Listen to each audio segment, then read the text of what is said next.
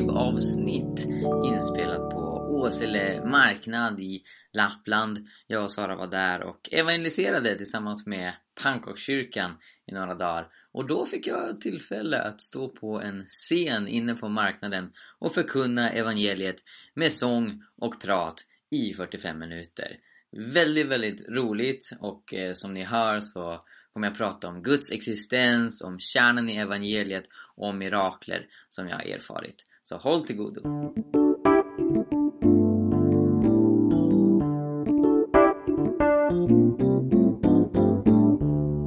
Några av er har säkert sett att vi har stått och delat ut pannkakor om kvällarna eh, nere på församlingshemmet gentemot ungdomscampingen. Och nu har jag fått tillfället att dela med mig av vad Gud har lagt på mitt hjärta några sånger som jag själv har skrivit, som andra har skrivit. Och eh, mitt vittnesbörd, mitt, min berättelse om vad Gud kan göra och vad Gud har gjort. Så det skulle jag vilja dela med mig av. Och jag tänkte börja med en sång som jag skrev för något år sedan. Bara för att uttrycka min kärlek till den som har räddat mig och skapat mig. Nämligen Jesus. Här kommer den. I love Jesus. I love him so.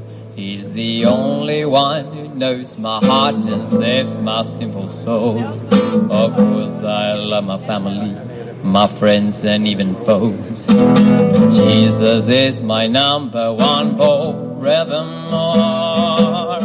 I love Jesus. I love the Son of God. He hangs around with idiots, the losers, and the odd. Yeah, he criticizes people who are self-righteous and proud. And when he sees injustice, he gets angry and loud. I love Jesus. I love what he said. It's like I'm the way, the truth, the life, the gate, the light, bread. Did a beat with the Pharisees and turned them on their heads.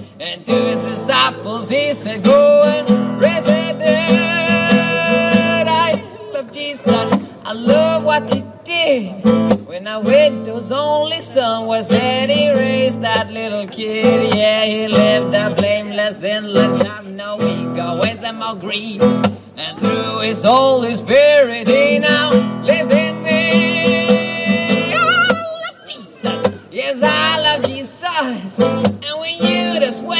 kill him, it's like, do what you must. Yeah, he let the soldiers torture him and forgave them all because when he died on that spiky tree, he died for us. Ah, I love Jesus who's living today. Cause he crushed the head of Satan and he rose from the grave. All the women were astounded, didn't know what to say. But Jesus said, Don't be afraid now, you are saved. I love Jesus, the Son of Christ. Cause he brings eternal safety, man, he brings eternal life. Yeah, I do know quite a lot of folks who are gentle, good, and kind. But I love Jesus most of all, cause he divine. Halleluja. När jag står på Pannkakskyrkan så har jag haft en tallrik eh, om, eh, om eh, magen. Där det står Guds bevis på två minuter. Det gör ju folk lite nyfikna. Hur kan man bevisa Guds existens, den som är så omdebatterad, på två minuter? Och det var svårt måste jag erkänna. Jag hade nog tänkt två minuter utan att bli avbruten eller två minuter utan frågor. Men det var många som, som ställde många följdfrågor. Men jag skulle vilja presentera för er hur jag menar att vi kan veta att Gud finns och att han har skapat oss, att han vill ha en relation med oss och att det är något som vi ska söka själva. Så det här, mina vänner, är en telefon.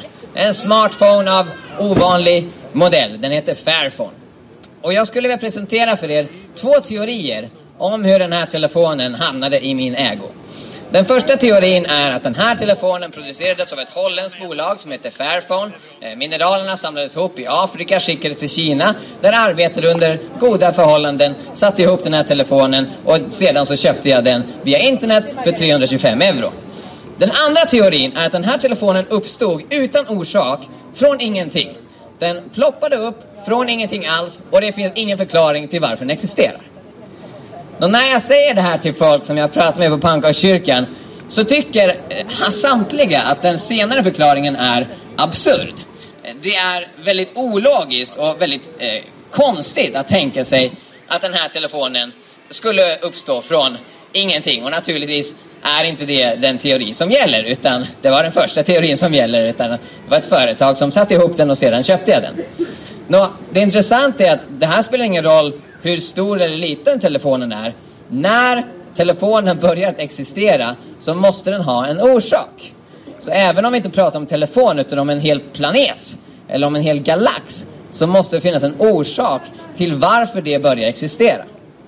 Nå, tänk på hela universum, den stora vida rymden som vi lever i. Vi vet att det började existera. Vetenskapsmännen talar om Big Bang som skedde för 14 miljarder år sedan. När allt i universum, all materia, allt det som senare blev stjärnor och planeter, allting uppstod på en och samma gång. I en expansion eller explosion som man kallar för Big Bang, den stora smällen. Med Big Bang så uppstår även tiden och rummet. Så det är inte bara så att allting som är fysiskt skapas, utan allting vad gäller den natur som vi lever och rör oss i skapades och uppstod i den singularitet som man kallar för Big Bang. Det här, mina vänner, måste ha en orsak. Det blir absurt att säga att det var ingenting som skapade Big Bang. Eller att Big Bang uppstod utan orsak. Universum bara ploppade upp från ingenting, utan förklaring.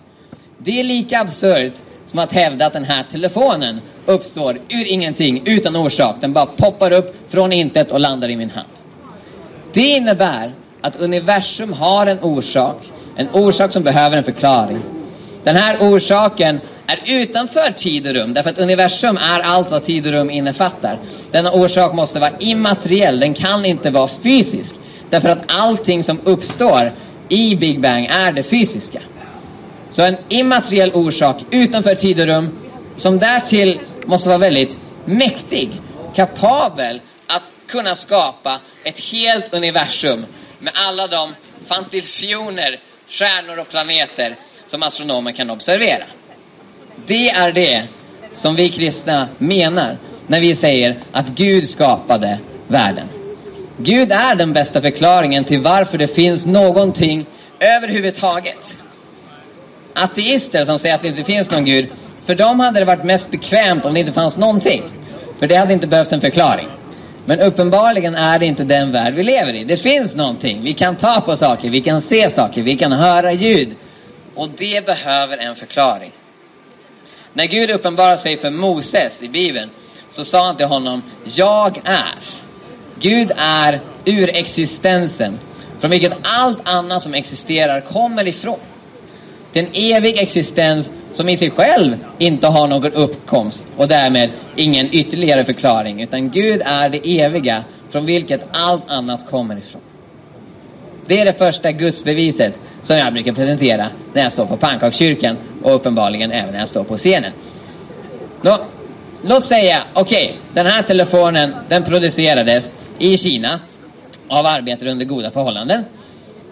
Men hur producerade de den? Låt mig presentera två teorier.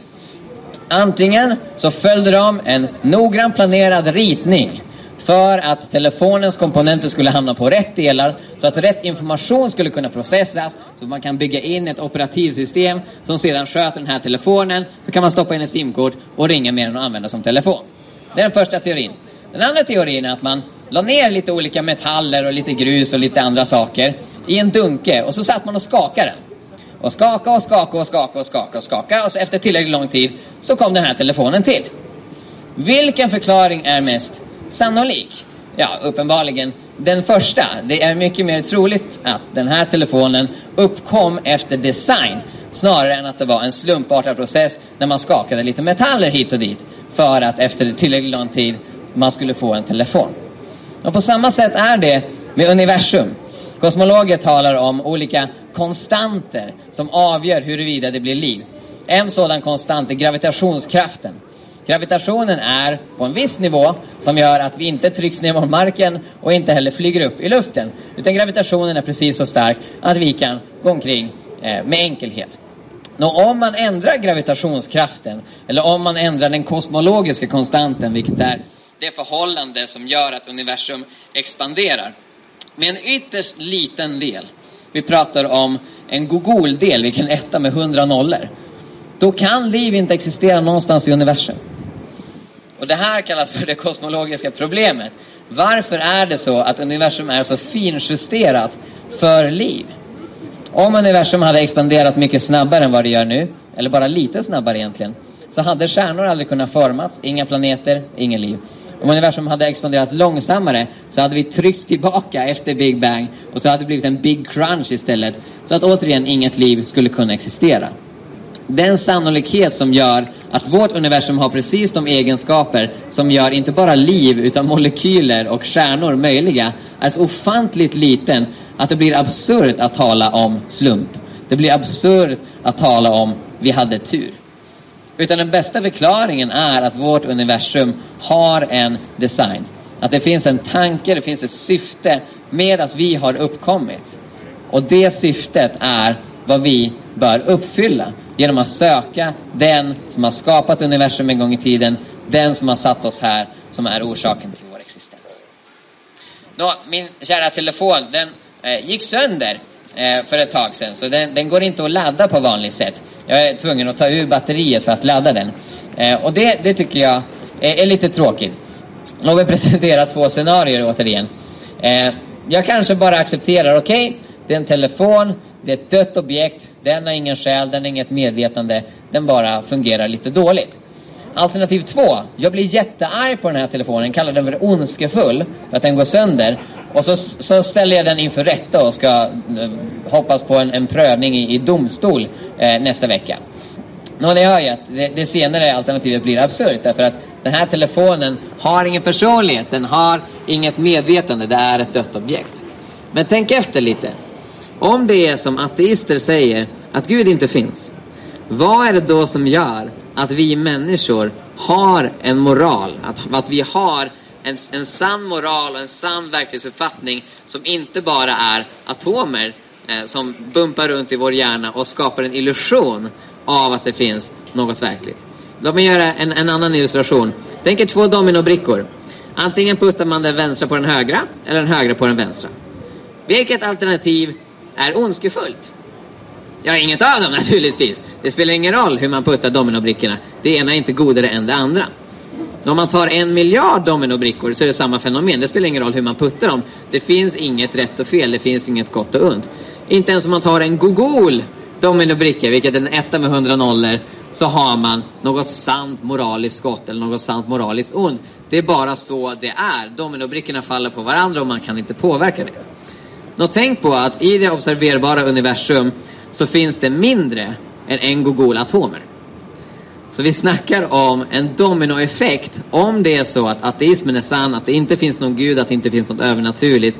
Så styrs vi bara av hur de här atomerna far omkring, huller om buller. Vi kan inte påverka det, vi är offer för det.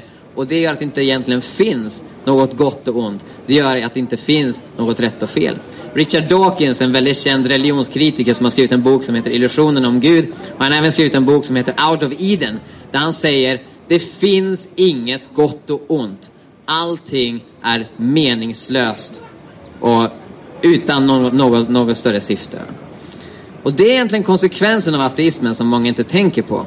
Men om Gud finns, då finns det något sant moraliskt gott. Då finns det något sant moraliskt ont och det finns en objektiv referenspunkt som vi kan fästa vår, vårt samvete efter. Det är den bästa förklaringen till varför vi uppfattar det som att det inte är bara så att det är subjektivt fel att Hitler utför folkmord till exempel. Utan det är objektivt fel.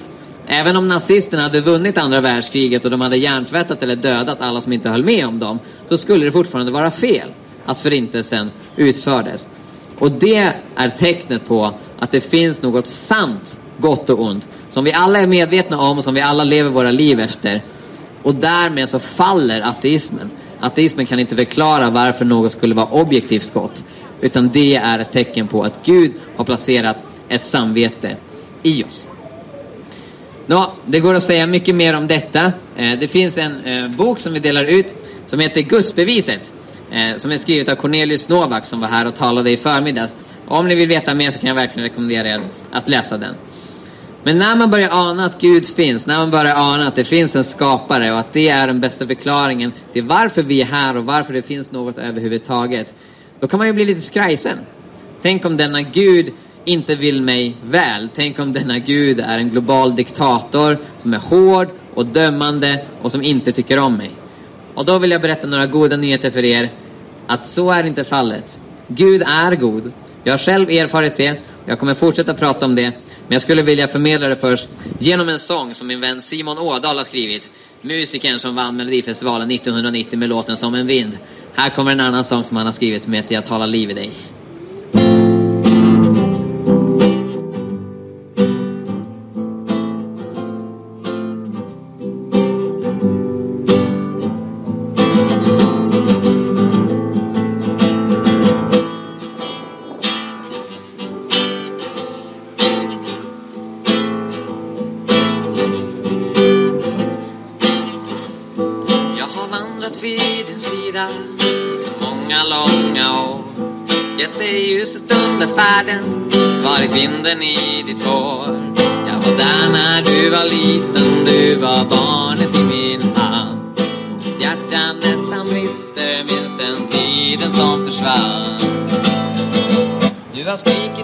Förtvivlan, du har gråtit ut din nöd. Du har vakat många nätter, du har trott att jag var död. Men jag fanns där alltid bredvid, alltid nära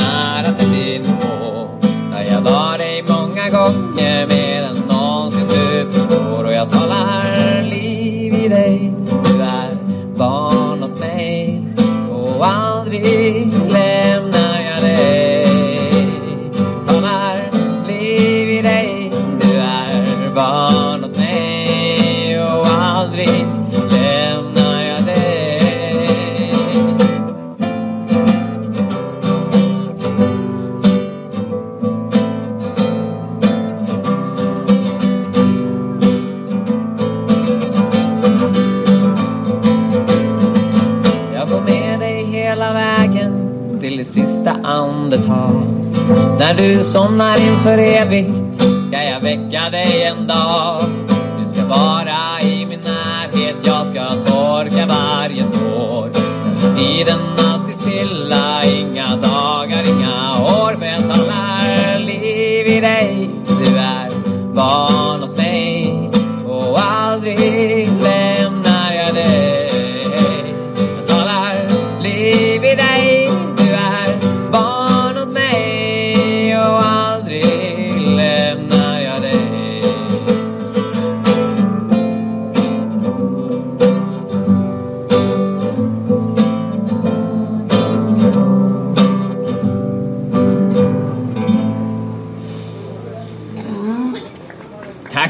Mycket, tack så mycket.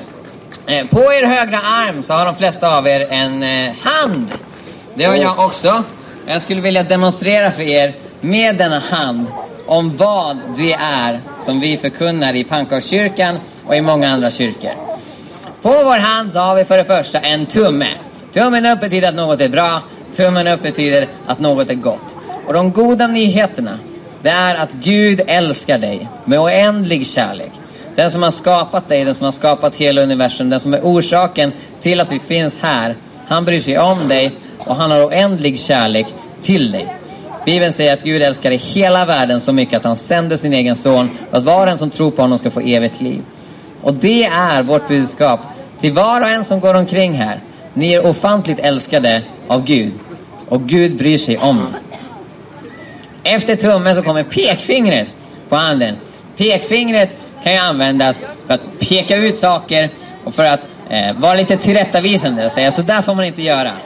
Och det gäller oss alla.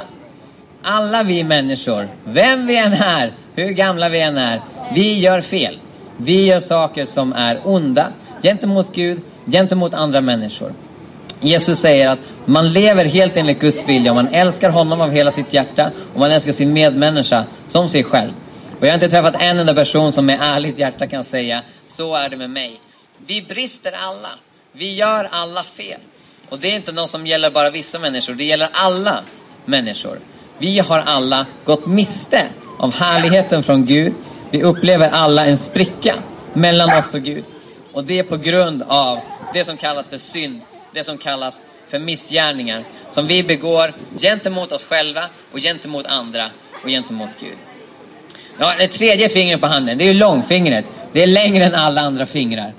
Och det vill visa att Jesus gick längre än alla andra när han dog på korset. För han är undantaget. Han är den människa som aldrig begick någon synd. Han gjorde aldrig något fel. Och det var därför han fick så otroligt mycket uppmärksamhet när han levde. För att han levde helt enligt Guds vilja. Han botade sjuka, han hjälpte de fattiga, han förkunnade kärlek och han var kärlek. Trots det så dömdes han till döden orättvist beskylld för saker han inte hade gjort och dog, inte för sin egen skull, utan för vår skull. När Jesus stod på korset så var det våra synder han bar, våra missgärningar tog han på sig. Straffet var lagt på honom för att vi skulle få frid och genom hans sår är vi helade. Så sa profeten Josaja 700 år innan Jesus fanns. Och det är ett av många exempel på profetiska tilltal genom Bibeln som talar om det som ska komma i framtiden. Och Jesus gick längre än oss alla för att han ville att vi skulle få ett evigt liv med Gud. I oss själva kan vi inte producera ett evigt liv. Vi kommer alla dö. Men Gud kan ge evigt liv. Och det gör han genom att han erbjuder Jesus som ett offer för vår skull. För att vi skulle bli försonade med honom och få en upprättad relation med Gud. Det fjärde fingret på handen, det är ringfingret. Där gifter man sig. Och det är tecknet på det förbund och det kärleksförbund som Gud vill inrätta med oss. När vi förstår det, att vi kommer till korta, att vi trots Guds godhet inte är i rätt relation med honom och när vi tar emot det som Jesus har gjort på korset, nämligen syndernas förlåtelse för vår skull, då kan vi få träda in i ett förbund med Gud som varar inte bara hela livet, utan ända in i evigheten. Bibeln talar om himlen som ett himmelskt bröllop, eh, där vi får fira att vi är försonade med Gud och vi får vara med honom i evighet, där ingen död ska finnas och där inga plågor ska finnas. Och det sista fingret på handen, det är lilla lillfingret. Och med det så vill vi säga att man är svag i sig själv. Även efter att man har tagit emot Jesus, även efter man har fått en upprättad relation med Gud, eh, så behöver man hjälp från andra. Man behöver en församling där man hjälps åt, bär varandras bördor, hjälper varandra. Och man behöver hjälp från Gud själv. Gud ger oss sin heliga Ande, hans present till oss, för att vi ska få uppleva Guds kraft.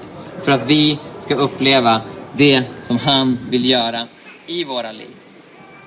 Jag vill berätta om hur jag själv blev troende. Jag har inte alltid varit en vild evangelist som står på scenen och spelar gitarr och berättar om Jesus. Utan när jag var i yngre tonåren så var jag ateist. Jag trodde inte att Gud fanns. Jag tyckte inte att Gud var relevant. Jag förstod inte varför folk ägnade sig åt religion. Jag tyckte kyrkan var den tråkigaste platsen i universum. Men så när jag var 15 så raserades mitt liv. En nära vän och släkting eh, dog. Han sa hej då på morgonen och sen så dog han på jobbet. Och det fick mig att tänka till om min egen dödlighet och om det verkligen är så att livet är meningsfullt. Och utifrån min ateistiska världsbild så insåg jag att allt kommer dö, allt kommer förgås. Jag kommer dö, jag kommer inte ens minnas att jag någonsin existerat. Ingen annan kommer heller minnas att jag har existerat. För om sju miljarder år så slukar solen upp jorden och sen är det över. Och sen dör hela universum värmedöden, så det hjälper inte om man sticker till en annan planet. Det är den ateistiska framtidssynen och den tyckte jag var rätt så jobbig.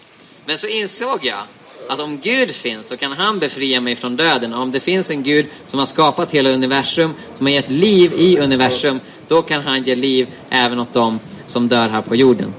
Så jag böjde knä i mitt rum och jag bad Gud, visa dig för mig. Jag vill veta att du finns. Jag vill veta att du är här. Jag vill se dig.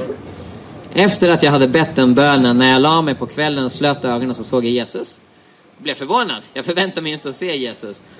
Kvällen efter det, när jag gick och la mig, slöt ögonen, så såg jag Jesus. Och det upprepade sig i över ett år. Så såg jag honom. Det var mitt första bönesvar. Och det var så jag insåg att det här är mer än bara en önskedröm. Det här är en verklighet som vi alla kan få ta del av.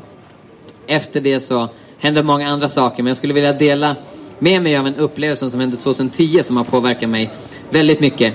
Jag var i eh, vår sommarstuga som vi hade ute i Lövånger, här i Västerbotten. Eh, och där så eh, hade jag bett länge. Så jag bad i 20 minuter någonting. Eh, för mig själv, för eh, min församling och för människor som jag brydde mig om. Och efter jag hade haft en sån intensiv bönestund så låg jag på sängen och bara tittade upp i taket och, och prisade Gud. Och då så känner jag hur atmosfären i rummet förändras. Och jag kan bäst beskriva det som att det fylls av en helighet. Nå, Det är lite svårt för människor som inte erfarit det att veta hur helighet känns. Man behöver nog uppleva det för att veta det. Men det var en majestätisk närvaro i det här rummet som inte var av denna värld. Och då så såg jag honom igen. Jag såg Jesus i en bild som kom ner från taket så här. Eh, han var klädd i blåa kläder, han hade brunt hår, bruna ögon och otroligt mycket kärlek i sin blick. Och jag insåg, han är här. Jag minns att jag tänkte det för mig själv. Han är här. Jag måste fråga honom någonting. Jag måste passa på när självaste Gud står i farstun. Så jag minns att jag tänkte i mitt inre, är jag inne på rätt väg? Och jag hör en röst i mitt inre som säger, det vet du. Därefter så försvinner bilden, atmosfären återgår till det normala. Jag insåg att jag hade haft ett gudsmöte och det påverkade mig väldigt mycket. Jag har upplevt många andra saker, jag kommer komma tillbaka till olika mirakler som jag har erfarit. Men det största miraklet och den största gåvan som Gud ger, det är det eviga livet. Som Jesus undervisade mycket om och som Bibeln eh, betonar. Syftet med att lära känna Gud, det är att, att vara med honom som har skapat oss för alltid. Gud är livet själv och det livet tar aldrig slut. Och här kommer en sång som jag har skrivit om det.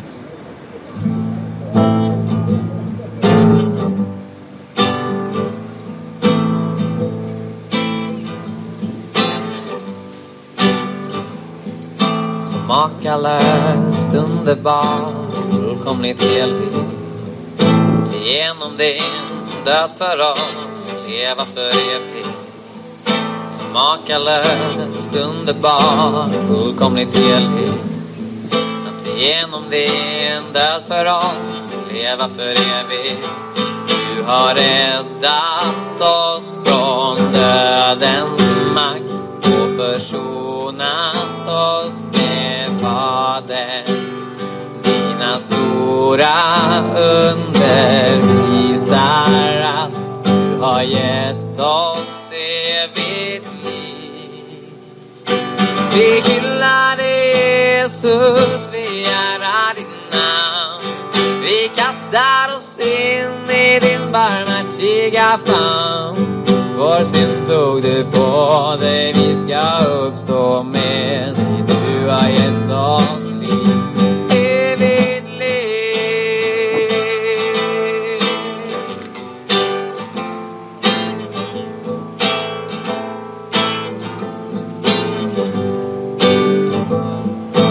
Makalöst, underbart, fullkomligt helig. Genom din död för oss, leva för evigt. Makalöst, underbart, fullkomligt helig.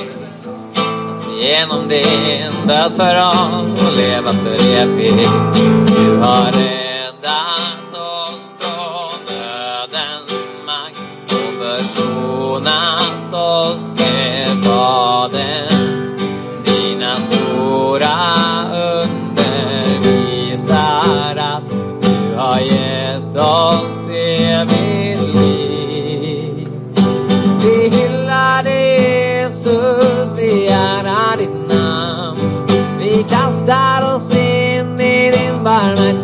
barmhärtiga famn. Vår synd tog du på dig, vi ska uppstå med dig. Du har gett oss liv, evigt liv. Ja, vi hyllar dig Jesus, vi ärar ditt namn. Vi kastar oss in i din barmhärtiga famn. Vår synd tog du på dig, vi ska uppstå med dig.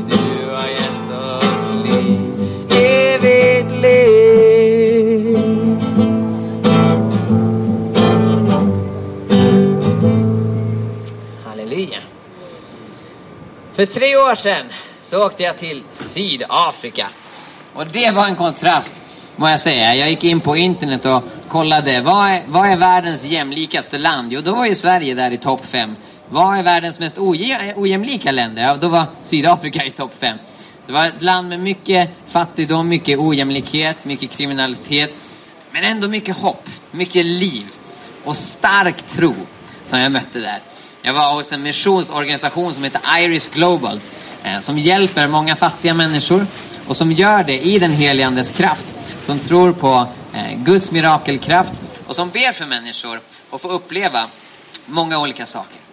Så jag fick träffa där Surprise It Holy eh, som har en väldigt, väldigt spännande historia. Det finns faktiskt en bok som han har skrivit som finns utgiven på svenska som heter Rösten i natten.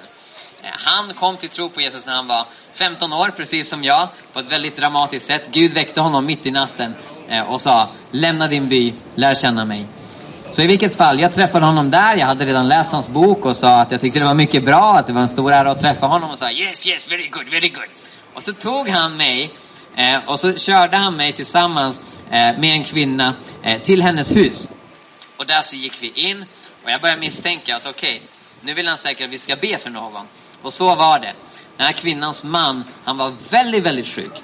Han hade tuberkulos eh, och han hade problem eh, med sina njurar eh, som hade satt åt väldigt hårt. Så han kom in och var alldeles mager. Jag visste först inte vad det var för sjukdom. Jag utgick från att det var aids. För han, han såg väldigt, väldigt sliten ut och väldigt mager ut.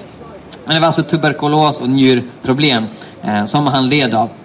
Och vi bad att Gud skulle hela honom. Vi bad att Gud skulle göra ett mirakel och göra det som läkarna inte förmådde göra, nämligen att göra honom frisk. Några veckor senare eh, så gick jag omkring i samma by tillsammans med en annan pastor. Eh, och så kom vi till det här huset och kvinnan som tog emot oss sa Dig känner jag igen, sa hon till mig. Och så berättade hon hur det hade gått då. Då hade hennes man inte kunnat jobba på nio månader på grund av den här sjukdomen. Han hade haft det väldigt, väldigt svårt eh, och, och, de hade inte kunnat få någon ordentlig inkomst i familjen. Men så efter vi bad han så känns det mycket, mycket bättre. Han hade gått till läkaren och läkaren hade sagt att han var helt helad. Och till och med Surprise som har varit med om väldigt många mirakler under sitt liv. Han blev förvånad när jag berättade det här för han sa oj, om han kan bli helad då kan vem som helst bli det. Under den här eh, Afrikaresan så bad jag också för en man som var synskadad. Eh, och det var en form av synskada som gjorde att han tålde inte att se vanligt ljus. Han blev fullständigt bländad av vanligt ljus. Eh, så han, var, han levde som en fladdermus. Han var bara uppe på natten och annars så sov han inne i ett eh, rum utan fönster och försökte hålla sig borta från ljuskällor så mycket som möjligt. Vilket förstås plågade honom väldigt mycket och det var ju väldigt svårt att ha ett normalt socialt liv när man led av något sådant. Och jag och några ungdomar, vi bad högljutt enligt afrikansk eh, stil eh, för att han skulle bli helad, för att Gud skulle gripa in och göra ett mirakel. Och han öppnar sina ögon och säger att han kan se normalt igen. Och sen så fick vi flera dagar efteråt sms från honom där han berättade att han fortfarande är helad och han kan se helt och hållet eh, som förut. Eh, och det var något som vi tackade Gud för. En annan väldigt spännande sak som hände under den här resan var att jag var på ett bröllop. Och det här var ett bröllop som var olikt de bröllop jag hade varit med på i Sverige. Det tog åtta timmar. Eh, så det var en, en, en, eh, program med 24 punkter. När det hade gått två timmar hade vi kommit till punkt fyra eller något sånt där. Eh, så de tog tid på sig. Det var mycket bön, det var mycket lovsång och, och det, Gud var verkligen närvarande i det här bröllopet. Men jag som svensk blev ju lite trött efter ett tag. Så jag går ut och där fanns det några som, som slevade upp mat. Så jag tar en stor skål vegetarisk sydafrikansk mat och sitter och äter. Och då kommer en man fram till mig. Och så frågar han vad jag heter, var jag kommer ifrån och han lyser upp när jag säger att, han, att jag är från Sverige. Det vill säga att den här mannen, han kallades för profeten i byn där jag var. Prophet David. Och han hade fått en syn nio månader tidigare, i oktober 2012. Där Gud hade visat honom en vit ung kille som sitter och äter mat utanför ett bröllop.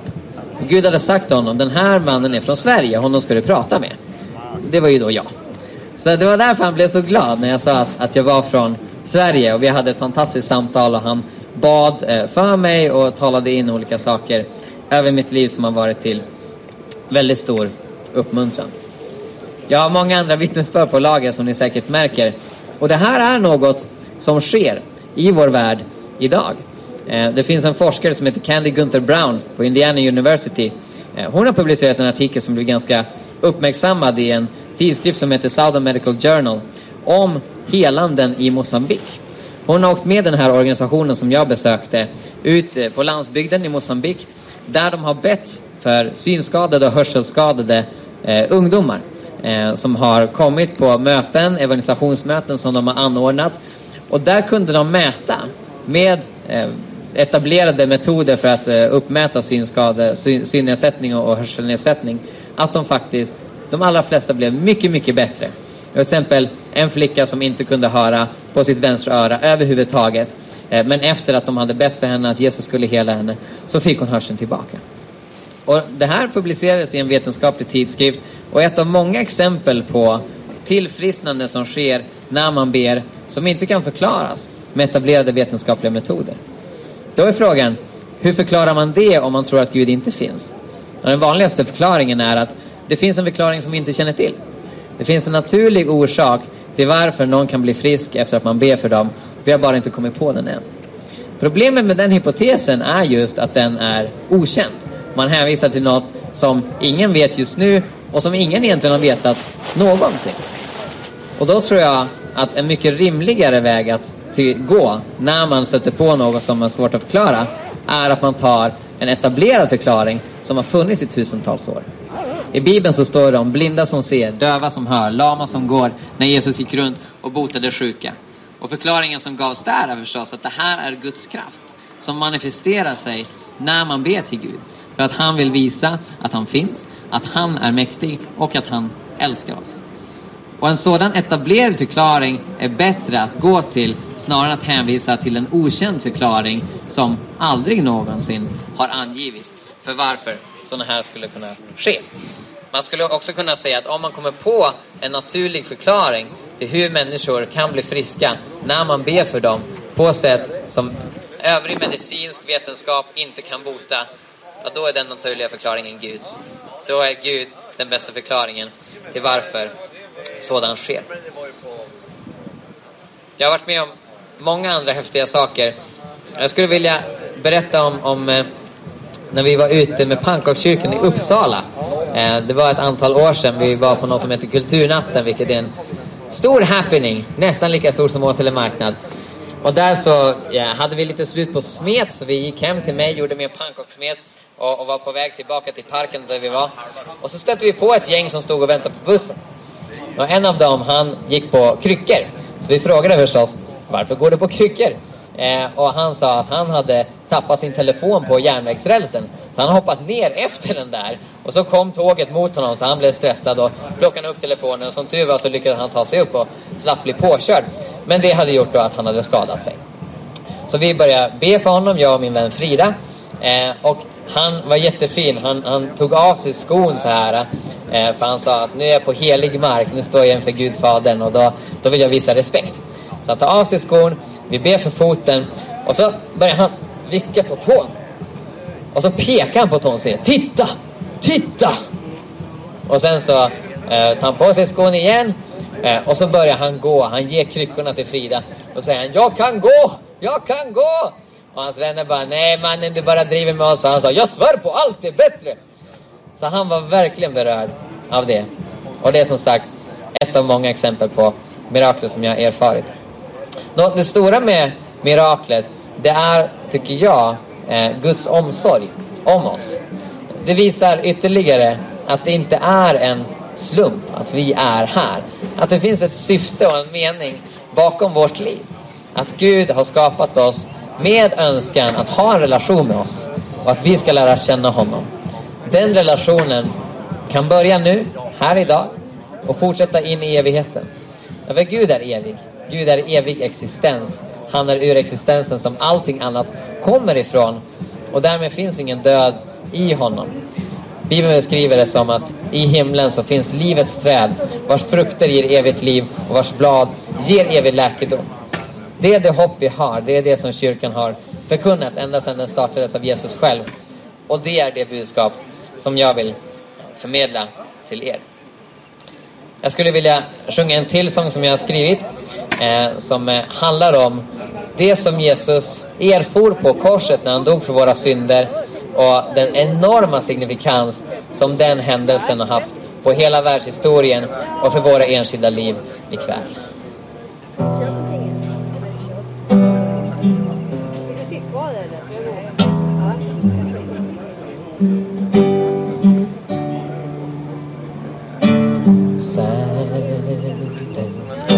Scorching heat.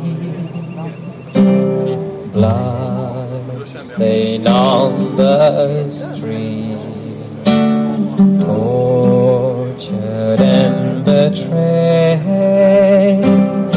Vision starts to fade. All our guilt and sin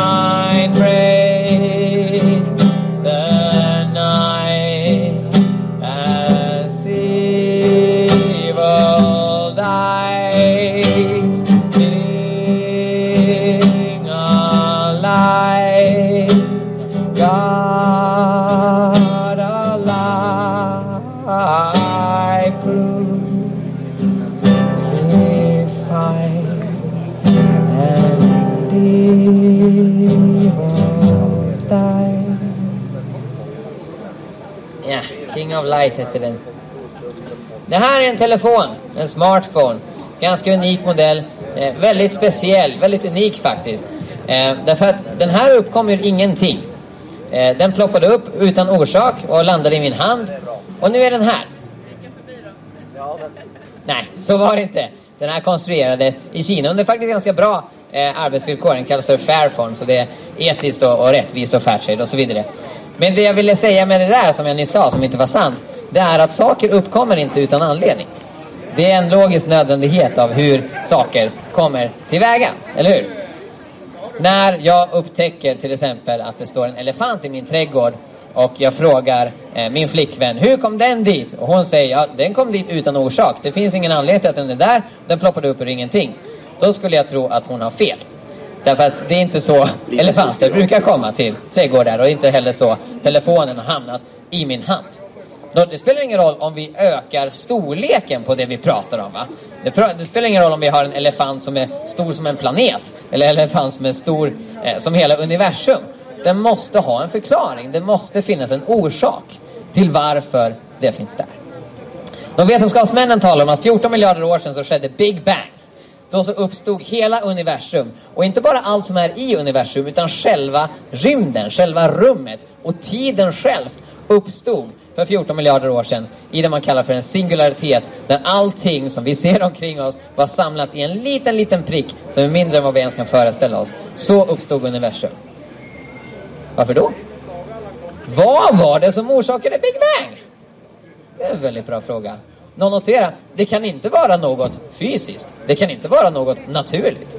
Därför naturen själv uppstår när universum uppstår. Det kan inte vara något som skedde före Big Bang tidsmässigt. Därför att tiden själv uppstod med Big Bang. Orsaken till att universum uppstår måste vara utanför tid och rum. Och det måste vara immateriellt, det vill säga det är inte något fysiskt, det är inte något materiellt av det vi kan ta på. Utan det är något övernaturligt. Nå, en orsak som orsakar universum, som är utanför tid och rum, som är övernaturligt och därmed, därtill också väldigt mäktigt därför att universum är en komplex grej. Eh, det är inte något särskilt enkelt att sätta ihop som en liten legobil utan det är något som kräver mycket design och mycket eh, specialitet och teknikalitet. Så denna orsak måste vara intelligent och väldigt mäktig. Det är det som vi kristna menar när vi säger att Gud skapade himmel och jord. Det är det vi menar när vi säger att Gud skapade världen. Gud utanför tid och rum. Gud står över naturen. Gud är evig existens. I Bibeln så står det om när eh, Moses träffade på Gud för första gången. Och Gud säger till honom, jag är. Och Moses är lite förvirrad. Vem, vem, vem ska jag säga att du är? Och Gud säger, jag är. Han är existens. Han är den urexistens från vilket allt annat som finns kommer. Och det är den nödvändiga förklaringen till varför det finns något överhuvudtaget. När jag är ute med pannkakskyrkan så träffar jag ofta ateister, de som säger att det inte finns någon Gud. Och jag brukar säga till dem att den, den, den bästa möjliga världen för er att förklara, det vore om det inte fanns någonting överhuvudtaget. Det behöver ingen förklaring. Om ingenting fanns, om, om, om det inte fanns något mer än ingenting, då så behöver man inte hänvisa till någon Gud för att något existerar. Men nu är det inte i den världen vi lever. Vi vet att det finns någonting. Vi kan ta på saker, vi kan se saker omkring oss, vi kan känna saker i vårt inre. Och det behöver en förklaring. Det är det som vi förkunnar när vi säger att Gud finns. Och vem är då denna Gud? Jag ställde själv den frågan eh, för tio år sedan. Jag böjde knä och, och jag sa Gud, jag vill se dig. Visa dig för mig. Jag vill veta att du är på riktigt. Jag vill veta att du finns. Kvällen efter när jag gick och la mig och slöt ögonen så såg jag Jesus framför mig. Och det var ganska oväntat. Jag var inte beredd på det. Men det upprepade sig kvällen efter också. Och kvällen efter det. Och kvällen efter det. Så i över ett år, varje gång som jag la mig på kvällen, så såg jag Jesus framför mig. Det var mitt första bönesvar. Jag hade bett att jag skulle se Gud. Och Jesus själv sa att han är Gud. Om hans påstående stämmer, då är det han som har vägen till Gud, som är vägen till Gud och som har sanningen hos sig. Så jag läste Bibeln eh, väldigt mycket och jag bara drack ur det Jesus säger. Jag tycker att det finns ingen, och jag har läst ganska mycket i mina dagar, men det finns ingen som har den vishet, den kraft och den auktoritet och kärlek som jag möter hos Jesus i evangelierna. De som skrev ner det han sa och gjorde. Jesus pratar mycket om det eviga livet som han erbjuder. Han är uppståndelsen och livet. Den som tror på honom kommer aldrig någonsin dö. Och det vill jag ha. Det förstod jag att detta är den absolut bästa skatt och bästa gåva som man kan få överhuvudtaget. Och det är förstås Gud kapabel till att göra när han har skapat hela universum med alla galaxer, alla planeter, alla djur, alla färger och former så kan han ge liv till döda kroppar. Så jag tog tacksamt emot detta och i tio år så har jag levt ett fantastiskt äventyr med Gud. Jag har sett många mirakler. Jag har sett människor som har varit sjuka, som har blivit friska. Jag har fått profetiska tilltal till mig själv Eh, och till andra. När Gud talar till oss och förmedlar kunskap och vishet. Och framförallt så har jag en fantastisk trygghet och en insikt om en meningsfullhet med min tillvaro, med andras tillvaro. Att jag har ett uppdrag från Gud att förmedla vidare till andra. Och det är därför jag är engagerad i pannkakskyrkan, bjuder på himmel och pannkaka och det är därför som jag står på denna scen denna eftermiddag. Jag vill avsluta med en till sång eh, innan detta är över. Sen får ni jättegärna ta några böcker som jag har där på främsta bänken. De är helt gratis. Den ena heter Gudsbeviset eh, som handlar om hur vi kan veta att Gud finns och att Gud bryr sig om oss. Och den andra boken eh, heter Mer än under där människor berättar om mirakler som de har erfarit i sina liv men också om hur Gud ger dem mycket mer, nämligen ett evigt liv där ingen död och ingen plåga ska finnas. Tack så jättemycket Åsele Marknad för att jag har fått uppta denna scen. Eh, Mikael Grenholm heter jag. Om ni vill veta mer om Jesus så kan jag rekommendera hemsidan jesus.se. Den är väldigt enkel att komma ihåg. Och pannkakskyrkan, då är det pannkakskyrkan.se om ni vill läsa mer om vad vi gör och vad vi erfar, vad Gud gör när vi går ut på stan. Gud välsigne er. Tack så jättemycket för att ni har lyssnat och jag hoppas att ni har fortsatt trevlig dag.